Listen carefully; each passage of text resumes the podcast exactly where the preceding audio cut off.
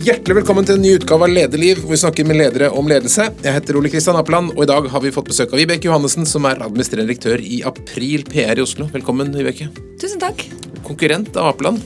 Ikke sant? Ja. Har du kommet dit til å stjele kundene mine? Jeg tenker det å ha konkurrenter gjør oss bare bedre. ikke det sånn? Det tror jeg også. Ja. Eh, Det er kanskje ikke alle i verden som vet hva April PR er. Kan du si det veldig kort? Ja, det er, om jeg kan si det kort, eh, vet jeg ikke.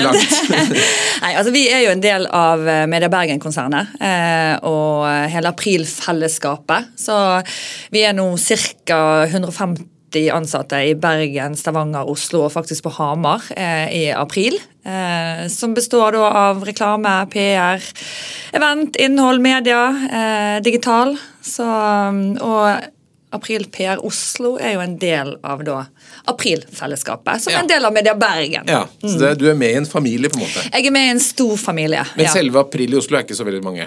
Nei, vi er nå eh, syv stykker. Ja, Mm, så men vi var færre for bare noen måneder siden, så vi, eh, vi har blitt litt større de siste månedene. Og når man ikke er så mange, så kan man vokse veldig mange prosent veldig fort. Ikke sant. Det er det som er så fint. Men så, så røper jo dialekten at det er kanskje ikke Oslo du er fra. Nei, ikke i det hele tatt. Nei, jeg er veldig fra Bergen. Ja. Veldig fra Bergen. Betyr det at du er pendler? Jeg pendler, ja. Så jeg eh, bor eh, i Bergen, men er òg veldig mye i Oslo. Så jeg bor litt her òg. Ja, så bra. Og hvor trives du best? I dag regner det i Oslo.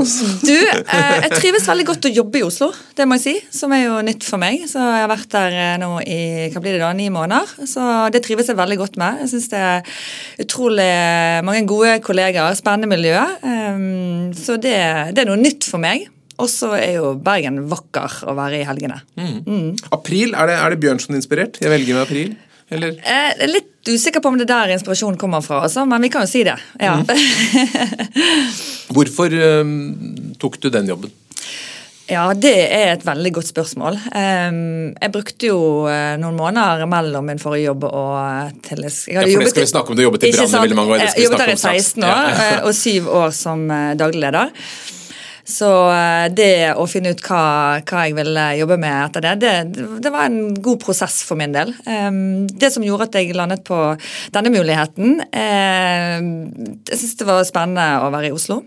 Eh, jeg, lederskap engasjerer engasjerer meg veldig i. Eh, jeg har fått mange erfaringer eh, gjennom min brannjobb, eh, og har opplevd at eh, mange av de Mye handler om kommunikasjon. Utrolig mye handler om kommunikasjon.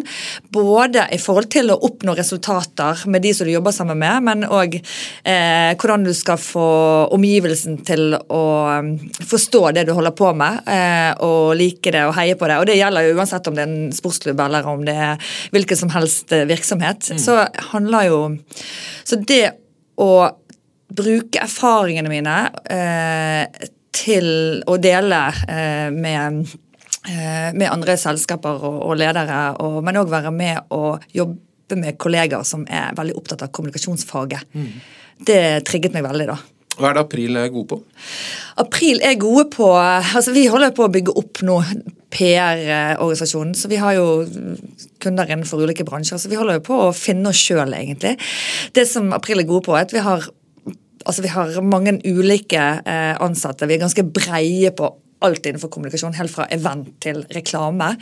Så det som vi ønsker å bli enda bedre på, og bli best på, er jo den samhandlingen, sånn at vi kan tilby hele spekteret til, til kundene. Så, og så er jo vi i Bergen, Oslo, eh, Stavanger og på Hamar. sånn at vi har liksom hele Norgefølelsen, da. Eh, Vi må kanskje litt lenger opp i nord. Det er ikke for det er sikkert alle i. Norge Ja. ville det, men i hvert fall, ja, ja. i hvert fall Østlandet, Vestlandet. Ja, det Eh, Ikke sant? Østland, Vestlandet, helt sant. Vi må litt lenger opp i nord for å kunne si det. Helt riktig. Så, mm. La, vi må snakke litt mer om det, men la oss, la oss ta Brann, da, siden du har vært altså, veldig lenge i Brann. 15 Mm. år, 6-7 år som, eh, som eh, dagleder, og så var du salgssjef før det. Mm. Um, hva lærte du i Brann? Stor- Sammenfatt 15 Det er veldig store spørsmål Ja, ja, store spørsmål. du åpner opp med her nå. Um, Eh, det, det, er en ganske stor organisasjon? Det, ja. det er, altså, selve organisasjonen består ikke av så mange ansatte. Det er ca. 50 årsverk med spillere.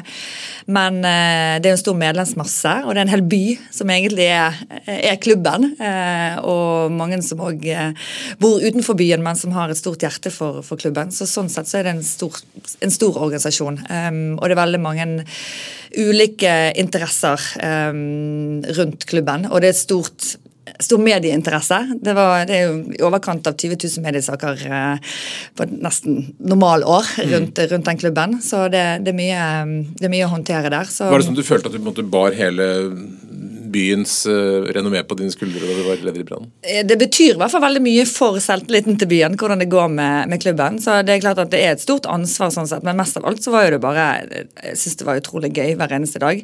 Og, og det, det jeg lærte, er jo er å forstå og jobbe sammen med veldig mange ulike typer mennesker, og forstå eh, ulike innganger til en organisasjon og har respekt for eh, alt fra de som jobber som frivillige til eh, store investorer, eh, samarbeidspartnere, supportere som har kår og reiser rundt og følger klubben sin, medlemmer, både gamle og unge.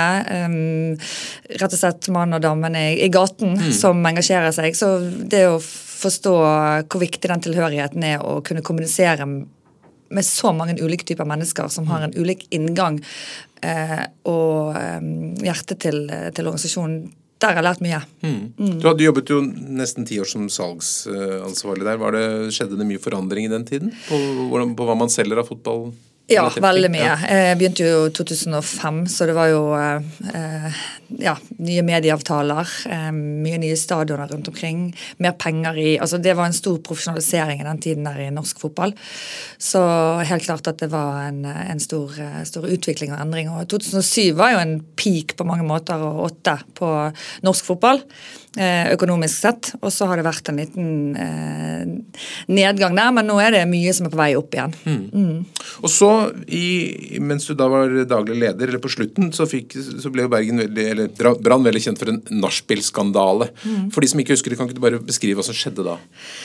Eh, ja, Det som skjedde der, var jo at eh, det var en del hendelser som, eh, som, ikke burde ha skjedd, og som eh, de som er veldig glad i klubben, var, var utrolig skuffet over at um, at man satte klubben deres i en sånn situasjon og et sånt lys.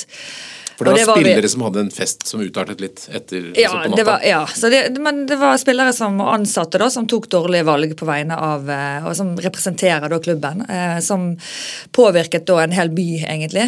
Eh, så det var en veldig krevende sak for alle involverte. Eh, og for alle som har et hjerte for klubben. Det var Eh, føltes som et ja, lavpunkt i en eh, veldig lang klubbhistorie som har hatt mange svingninger. Så det var, det var, en, var, var krevende for en, en, hel by, egentlig, opplevdes det som.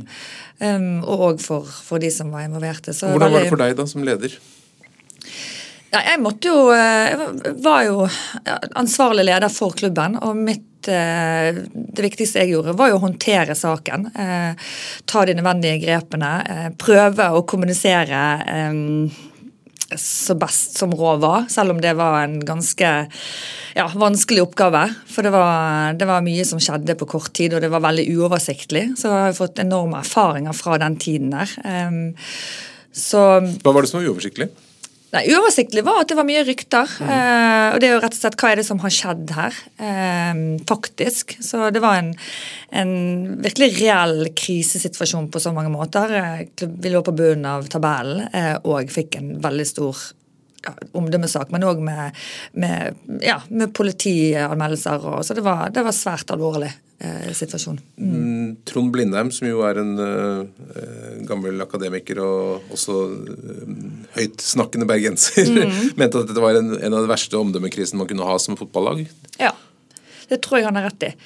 Fordi at uh, det, var, det, var, noe med hele, hele, hele situasjonen vi var i utgangspunktet. Det var flere kriser på en gang. da. Det var en sportslig krise, og så kom denne ja, omdømmekrisen. Men det var, det var alvorlige um, saker som måtte håndteres. Og det var jo tre spillere som ikke var med videre etter den saken. Og det var kraftige sanksjoner sånn sett. og og, og eksterne involverte som òg måtte ivaretas, og som vi var lei oss for at hadde hatt en eh, dårlig opplevelse. Og, og ikke minst at supporterne virkelig var så skuffet over uh, klubben sin. da. Var det noen som ble dømt for noe? Nei. Men som leder, hva, hva lærte du av det?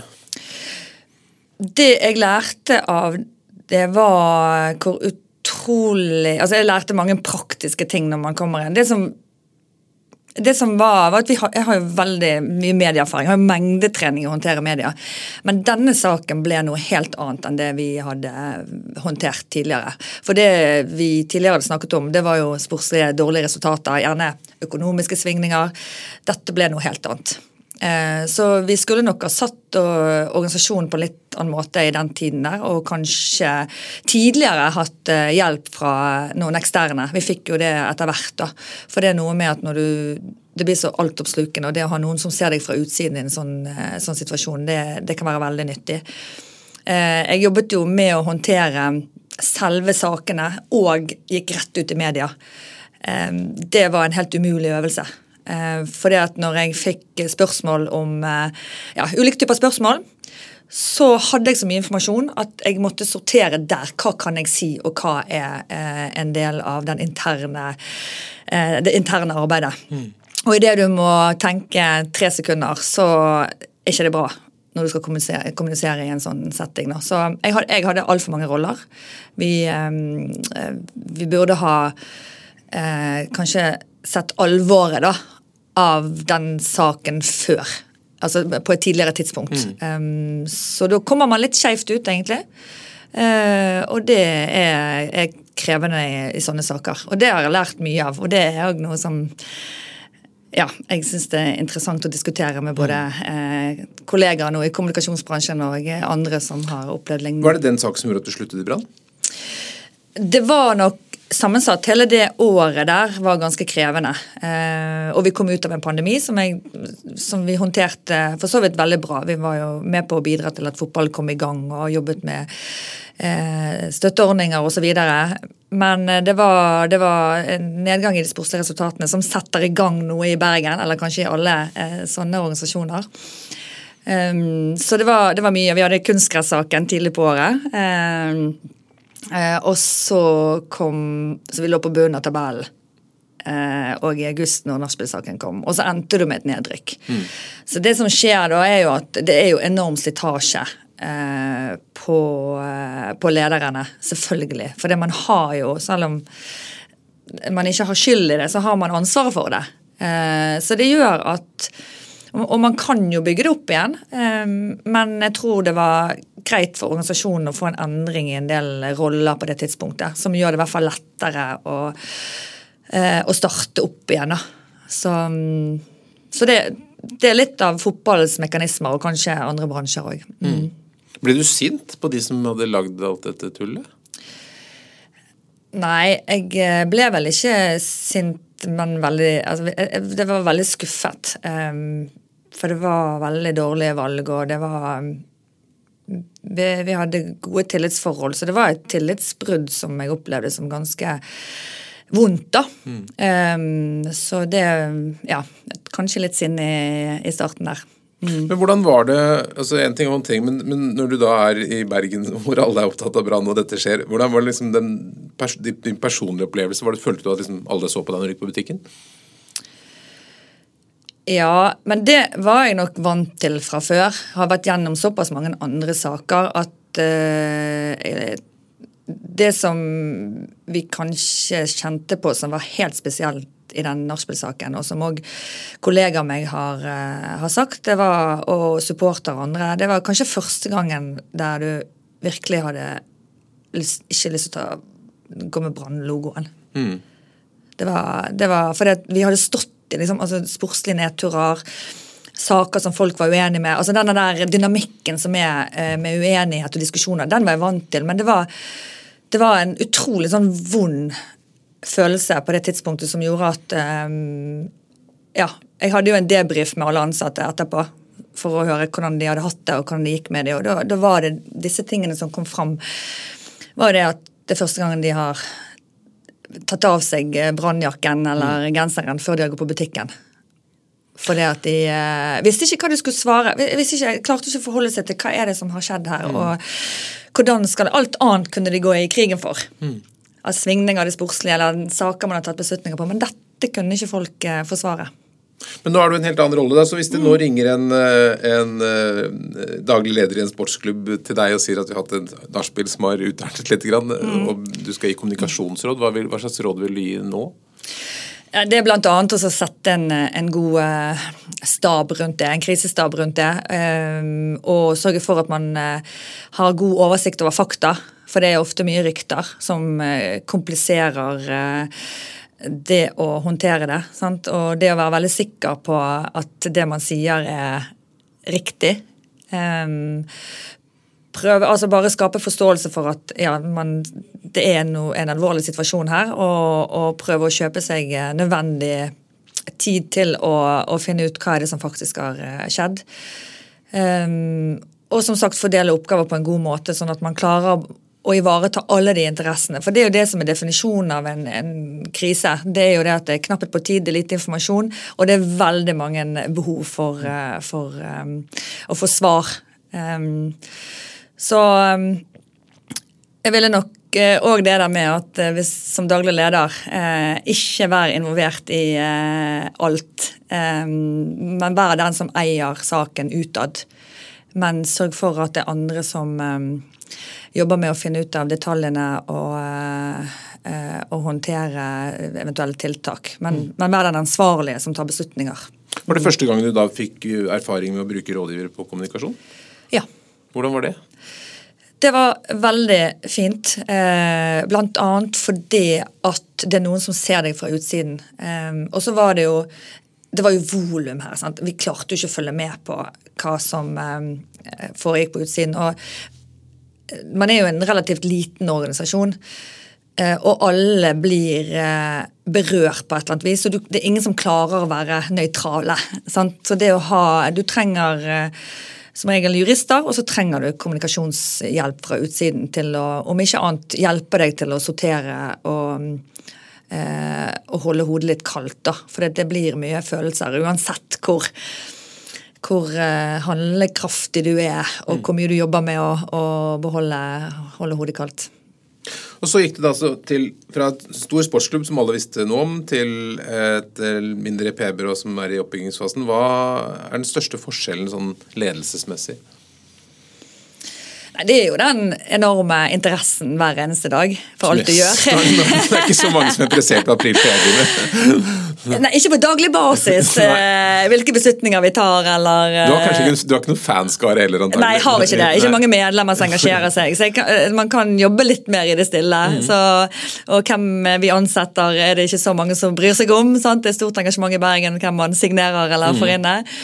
Så, så det, er jo, um, det, er jo, det største, da. Så, det, det, men så syns jeg òg at det som er likt, er at det, er tempo og trøkk og press. Og det er liksom eh, Det er verdiskapningen skjer jo hver eneste dag. Så det er jo den knappheten på tiden og det den uh, Ja, det at resultater er ferskvare. Det er òg at uh, det, hvor gode vi er, hvor skarpe vi er hver eneste dag, egentlig. Så, så det, det, kjenner jeg ligner litt, og det, det, liker jeg veldig godt. da. Det er liksom delte meninger dette med likhet mellom idrett og, og, næringsliv. Noen er veldig sånn å bruke sportsmetaforer inn i alt mulig på byggelag og trening og sånn, mens andre mener at det er to helt forskjellige ting. Hvor, hvor er du? Jeg, jeg syns det er veldig mye likt. Um, og jeg tror jeg bruker de metaforene sikkert altfor mye. Men jeg syns det er så tydelig, og jobber sjøl med det å sette sammen et lag der eh, altså Spissen må være god på sine, de egenskapene som trenges der. Du må, trengs der. Du må ha en keeper, en back, midtbane. Altså, du, det å ha et mangfold av ulike personer som gjør at man kan levere et helhetlig produkt da, til, eh, til kundene. Um, og at alle er like viktig. Jeg mener Alle i en organisasjon er like viktig. Mm. Eh, det er alt fra den som altså Hvis du bruker en sportsklubb, så er jo det den som vasker garderoben, eller de frivillige på kampdag, eller stjernespilleren. Og det samme ønsker jeg å eh, jobbe med i mitt lederskap nå i, i, April PR. Det at alle er like viktig. Om du er en junior eller en senior, om du eh, har, eh, er sterk på det ene eller det andre, så er alle like viktig. For vi, eh, vi, jobber sammen for at vi skal få et best mulig resultat for, for de, de kundene vi jobber for. Funker den tanken også på folk som ikke er veldig interessert i fotball? Ja, jeg tror eh, veldig mange forstår lagspill. Hvis, hvis, du, hvis du, er en lagspiller, da, mm. er du en eh, Men hvis du er en dualist, så kan jo du kanskje forstå en toppidrettsutøver som jobber på den måten. Så jeg tror Jeg opplever at det er veldig forståelig, ja. For det, Man kan ikke bare bruke fotballterminologien, man må jo bruke lagspillterminologien. og hvordan man spiller hverandre gode. Og det, det, å snakke med hverandre og si hva man trenger av hverandre, det, det må man gjøre på en fotballbane. Når skal jeg gå på løp? Hvor vil jeg ha pasningene? Hva er mine styrker og svakheter? Ja, Hvis en er god på å ha dårlig fart, så må de andre kompensere. Og det, det jobber jeg veldig mye med, at vi snakker med hverandre om ikke bare det vi er gode på, men hva, hva er jeg mindre sterk på. For ikke, hvis vi får den som er best på det, må gjøre det. Det er mer effektivt, det blir best resultater. Så det å være veldig mm, tydelig og åpen eh, med hva vi kan, og hva vi ikke er så gode på, og hva vi vil bli bedre på, hva vi trenger hjelp til, det gjør at vi forstår hverandre bedre, og det blir mer eh, Vi kommer lettere inn i flytsonen, og det blir mer smidigere i hverdagen. da. Og det er jo ganske sånn, holdt på å si, Du har, et sjur-fotballag i Oslo, så det er ja. jo enkelt. Men, men, når du skal sende, sen, sentre til noen av de 150 andre rundt på Hamar, sånn, hvordan, hvordan, er, hvordan, er, det å jobbe med team på forskjellige deler av landet og med forskjellige kompetanse? Funker det? Ja, og Det er jo noe av det jeg syns er veldig gøy å kunne være med og utvikle. For det, at, eh, det er jo ulike selskaper som er satt sammen og blitt April mm. eh, for to, vel to år siden. Og det er ulike kulturer. Eh, så det å finne et fellesskap, men samtidig egenarten eh, i de ulike eh, byråene, det er et pågående arbeid, og jeg syns det er veldig interessant. Så det, det, er noe vi diskuterer mye ledere imellom, og noe som trigget meg òg med å bli en del av April-familien. Mm. Så men da må vi bli kjent med hverandre. Sant? Og vi må forstå hverandres ulikheter, vi må respektere hverandres ulikheter. Det krever en stor grad av raushet, men òg at vi har noen felles mål. Eh, og det å enes om det er jo eh, alltid en jobb som må gjøres. Så dette er pågående arbeid. Og det er kanskje litt på en måte litt enklere fotball, da, for da har man resultatene som alle er enige om 1-0, 3-0. Mens i et kommunikasjonsbyrå så har man jo litt sånn noen vil det, og noen vil det, og du vil ha bunnlinje. og, og eh, Klarer du det? Ja, det skal vi klare. For det, det er jo, eh, til syvende og sist så handler det om at vi får nok spennende, gøye oppdrag. Vi får lov å jobbe med de kundene og de prosjektene vi ønsker å jobbe med, og mm. som vi kan hjelpe. Så eh, det er jo det som måler oss til syvende og sist. Så, mm, så jeg syns det virkelig er målbart. Og, mm. Hvordan vil du at uh, disse som jobber for deg, skal oppleve deg som leder? Jeg håper at de uh, ser at, jeg, at jeg, de merker at jeg bryr meg om å bli kjent med de. At jeg ikke bare vil at vi skal oppnå resultater for virksomheten, men at jeg ønsker å bidra til at de utvikler seg, og at de får en gøy jobb.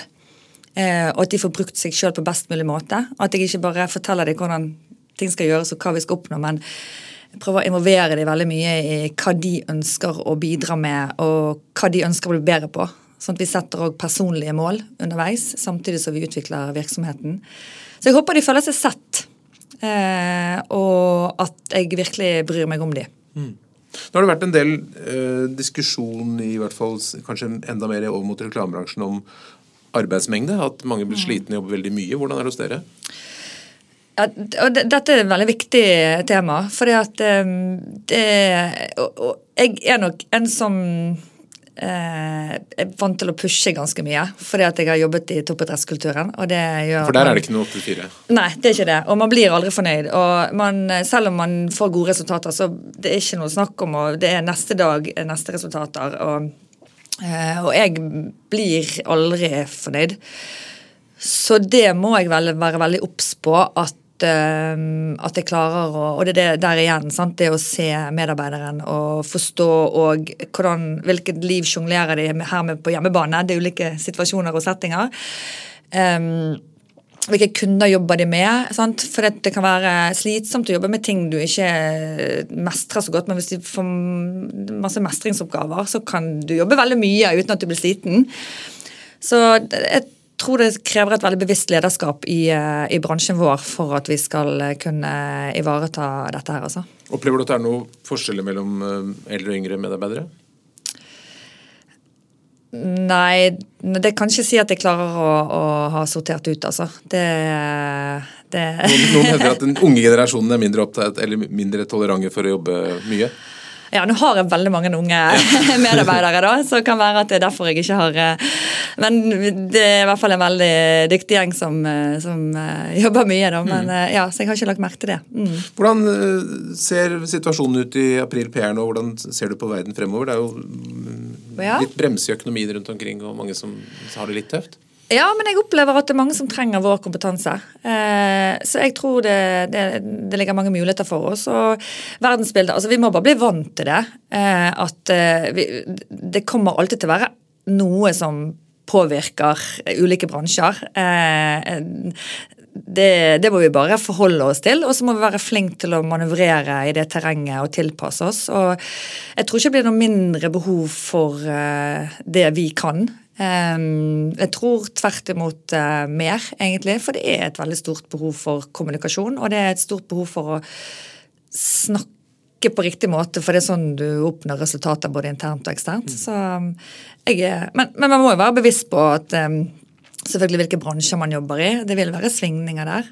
Og så er det jo veldig mange dyktige konkurrenter i Oslo som er spennende å følge med på. Så det, ja, nei, jeg, jeg syns det er veldig gøy, da. Mm. Mm. Selv i en krevende verden. Men, men, eh, men, eh, det terrenget må vi bare som sagt manøvrere. Du virker ikke som en som lar deg dempe av litt motstand? Nei. Eh, tvert imot så eh, Du spurte meg tidligere om hva, hvorfor jeg valgte meg april, og når jeg var på jakt etter eh, neste utfordring, så hadde jeg en prat med en del sånn rekrutteringsbyråer som inviterte meg inn. Og det var vel en som sa det at vet du, hva, du kan egentlig jobbe med hva som helst, bare sørg for at det er vanskelig nok. sånn at du blir utfordret, så ikke du begynner å kjede deg. Så det at det er litt utfordrende, det tror jeg jeg trenger. Men Vi kan dra opp et par sånne vanskelige ting i, i vår bransje. da. Det, ja. Dette med offentlig anbud og offentlig konkurranse, så hvordan opplever dere det? Nei, Det har ikke vi jobbet så mye med, med ennå. Så vi uh, har, uh, vi, det er noe vi begynner å, å, lære oss. og Jeg har jo heller ikke noe erfaring med det. Og det er jeg veldig ydmyk for at uh, det er jo en bransje som jeg Jeg har masse eh, praktisk erfaring innenfor en del områder, men det er òg veldig mye som jeg eh, ønsker å lære meg. Så mm. jeg har ikke noen veldig meninger om det. det. Kanskje du kan Nei, det, det, er veldig ofte sånn frustrasjonstema når kommunikasjonsledere har, eh, prater, men eh, Nei, jeg har ikke blitt frustrert av det. Nei, så bra. men det er òg fordi jeg ikke har vært så involvert i det foreløpig. Mm. hvordan opplever du uh, ny teknologi, kunstig intelligens? Er det en fordel? Vil det gi muligheter? Ja, og det er spennende, da. Det er veldig interessant. Så det at vi, vi prøver prøver jo òg å se Begynner jo å ha sette oss inn i det og begynne å bruke det og teste det. Så, men det er jo noe som Det er jo utviklingen. Så du er nødt til å uh, følge med og lære deg det og, og, diskutere de etiske dilemmaene som ligger der hele tiden, og de moralske dilemmaene. Så det, det jeg synes det, ja, det er interessant, rett og slett. Tror du eh, kunstig intelligens kan ta noe av kommunikasjonsfolkas jobber? Det, altså, en del av den produksjon... Altså sånn, mer sånn tekniske produseringen er jo ingen tvil om at um, det kan være at det er mer effektivt. Uh, men jeg tror jo fremdeles at hodene våre, erfaringene våre Jeg har jo en unik erfaring som ingen uh, AI kan uh, kopiere. Så um, det strategiske. Så jeg tror jo at vi må jo bare Akkurat som det er digitalisering og Eh, teknologien utvikler seg innenfor alle bransjer, så, så, må vi tilpasse oss. Så jeg tror ja, det er sikkert noe som det blir mindre av for oss å gjøre. Men jeg tror òg det alltid kan åpne opp for nye muligheter. Mm. Mm. Når koser du deg mest i den jobben? Når vi jobber med gøye prosjekter. Eh, og jeg lærer noe innenfor nye bransjer. Og det må jeg si, jeg syns det er veldig spennende. Du er nødt til å være utrolig oppdatert innenfor eh, mange områder. Eh, mange bransjer og næringer. Jeg var jo veldig i fotballboblen, sant. Så det Og når vi finner Vi får oppdrag der vi ser at vi kan gjøre en forskjell, da koser jeg meg. Og når jeg ser at de ansatte virkelig bare koser seg og uh, ja, jeg er glad for at de har fått brynt seg og knekt noen koder. Mm. Da kan man bli glad. Ja, sant? du nevnte i stad at du, du syntes det var gøy å prøve deg på, på Oslo. Altså, det er jo um, det er jo to forskjellige steder, Oslo og Bergen. Hva er forskjellen i ikke bare været, da, men hva er liksom i businesskultur? For du kjenner jo det litt fra markedsarbeidet ditt i Brann, og så har du begynt å bli kjent med det her nå. Er det, er det annerledes å drive forretning i Oslo enn i Bergen? Ja, altså Jeg syns det er fremdeles litt vanskelig å sette fingeren på akkurat hva det er. Um, men det er jo per definisjon så er jo det mindre forhold. Um, men det er, det, er, det er, noen kulturelle forskjeller. Men jeg syns det er jeg synes det er vanskelig å si akkurat hva det er. altså. Som er, er det lettere å selge til bergensere enn til oslofolk? Nei, altså jeg For min del så opplevde jeg at jeg hadde veldig god kjennskap til det bergenske næringslivet. Så det er jo litt av det jeg syns er interessant med Oslo, at der er det mye nytt for meg. Mm. Mm, så, så jeg syns det, det, det er jo en sånn det er veldig mange som snakker hele tiden om de har forskjeller, og det er forskjeller, men jeg klarer ikke helt å sette fingeren på hva det er for noe. da. Så, for det er utrolig mange dyktige folk begge steder. Sant? Det er mange flinke virksomheter. Det er stort engasjement for det man driver med. Så, så det er Ja, jeg, har ikke helt klart å Jeg må ha litt mer tid på meg for å mm. klare å sette ord på det. rett Mm. Men det virker som det er uten at jeg kjenner markedet helt, men det virker som det er bergensbyråer som dominerer markedet i Bergen. Det er vanskelig å komme fra Oslo og si nå skal vi ja, ta og, Bergen. Og det er, Hvis du snakker innenfor vår bransje, ja. så, så, er jo det det. sant? Og, for Det er vel ingen av Oslo kommunikasjonsbyråene som har liksom lykkes noe særlig? Nei, det er jo noen som har etablert seg der, men det, det, er ikke noe sånn Men det tror jeg nok at uh, og det merker jo jeg òg når Vi har jo April PR i Bergen, og de jobber på en annen måte enn det vi gjør i Oslo. Eh, det er mindre av den tradisjonelle PR-en og kommunikasjonen i selskapene i Bergen, opplever jeg. Um, så der er det i hvert fall en forskjell. Mm. Altså De produktene som, som, blir kjøpt i Bergen kontra Oslo, eh, er veldig forskjellige. Mm. Er dette en bransje du ser for deg å kunne være i lenge? Jeg syns i hvert fall det er veldig gøy, og jeg har masse å lære. og eh, Jeg tror han er veldig viktig. Og jeg tror den blir viktigere og viktigere fremover. Og mm, jeg ønsker å være med og bidra til altså Med bakgrunn i den ledererfaringen jeg har fra tidligere jobber, så skulle jeg ønske at jeg skjønte det før hvor viktig det var. Jo, for det er noe med at eh, vi i denne bransjen her så snakker vi kommunikasjon hele tiden. Det er et fag. Mm. Jeg tror Det har jeg skjønt i mye større grad. Eller jeg forsto det nok før, men jeg har blitt mer bevisst på det eh, fagområde og hvor mange eh, områder det òg er innenfor faget. da, Og hvor mye det utvikler seg. Eh, og det å få snakke om det og diskutere eh, ja, ulike kommunikasjonsutfordringer, perspektiver, dilemmaer. Eh, det syns jeg er veldig spennende. Altså. Så jeg har masse igjen å både gjøre og lære. Hva er det du ser som du tenker at mange bedrifter og organisasjoner burde bli flinkere på på kommunikasjon? Ja, men Det er rett og slett bevisstheten rundt kommunikasjon. Um, det at lederne, altså at man trener på kommunikasjon internt i organisasjonen over alt du sier. Eh, alt du gjør, alt du ikke gjør, alt du ikke sier. Jeg vil, altså 80% av det en leder gjør hver eneste dag, handler om en eller annen måte å kommunisere på. Eller ikke kommunisere på.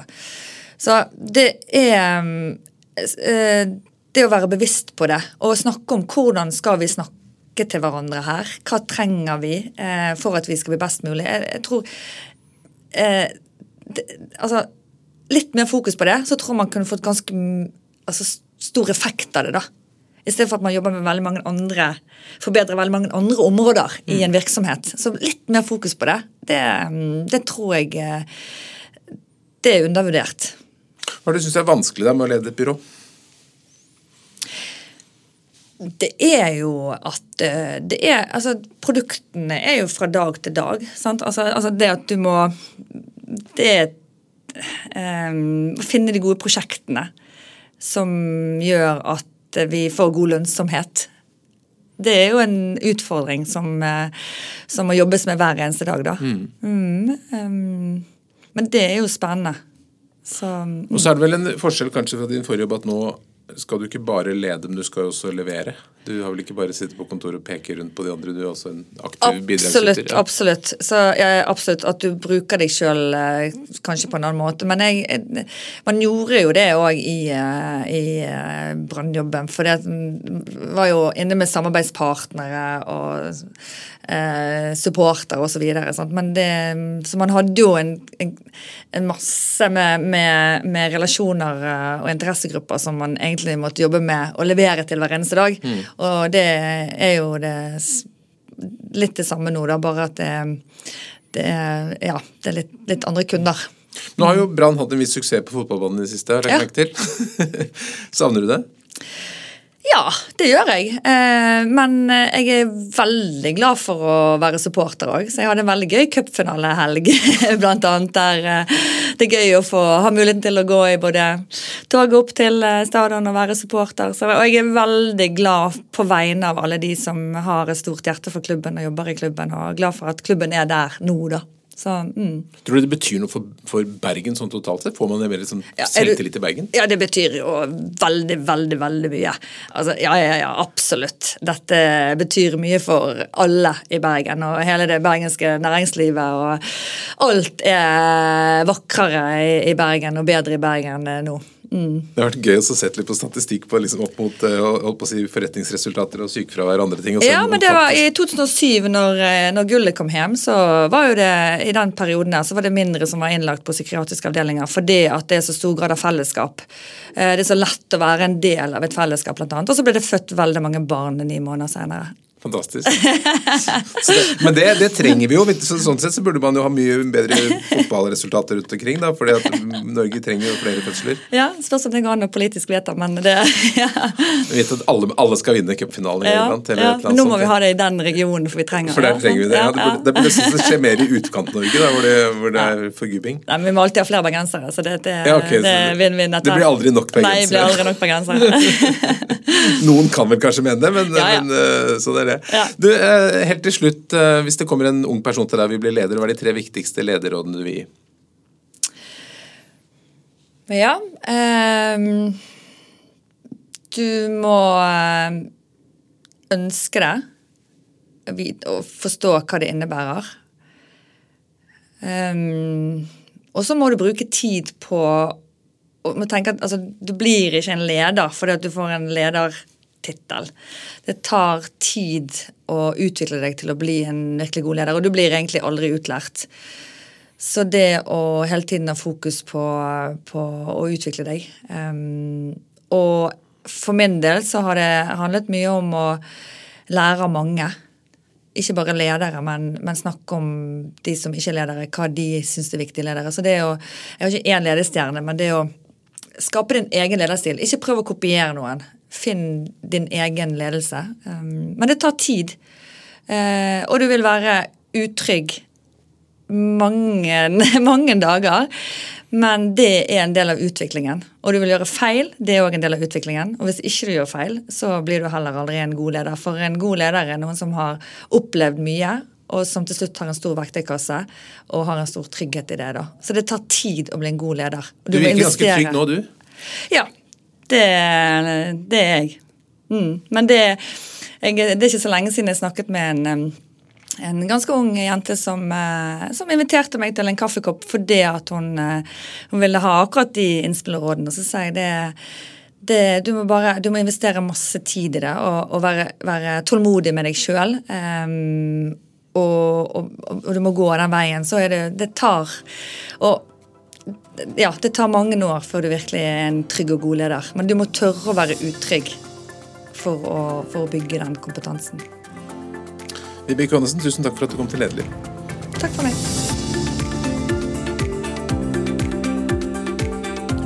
Lederliv er en podkast fra Apeland. Redaksjonen består av Ingrid Hogneland, Johanne Eidsvoll, Lars Jarle Melum og meg som heter Ole Kristian Apeland. Og du er hjertelig velkommen til å sende ros, ris, tips om ledere eller hva du måtte ønske til ole.apeland.no. Takk for at du lytter.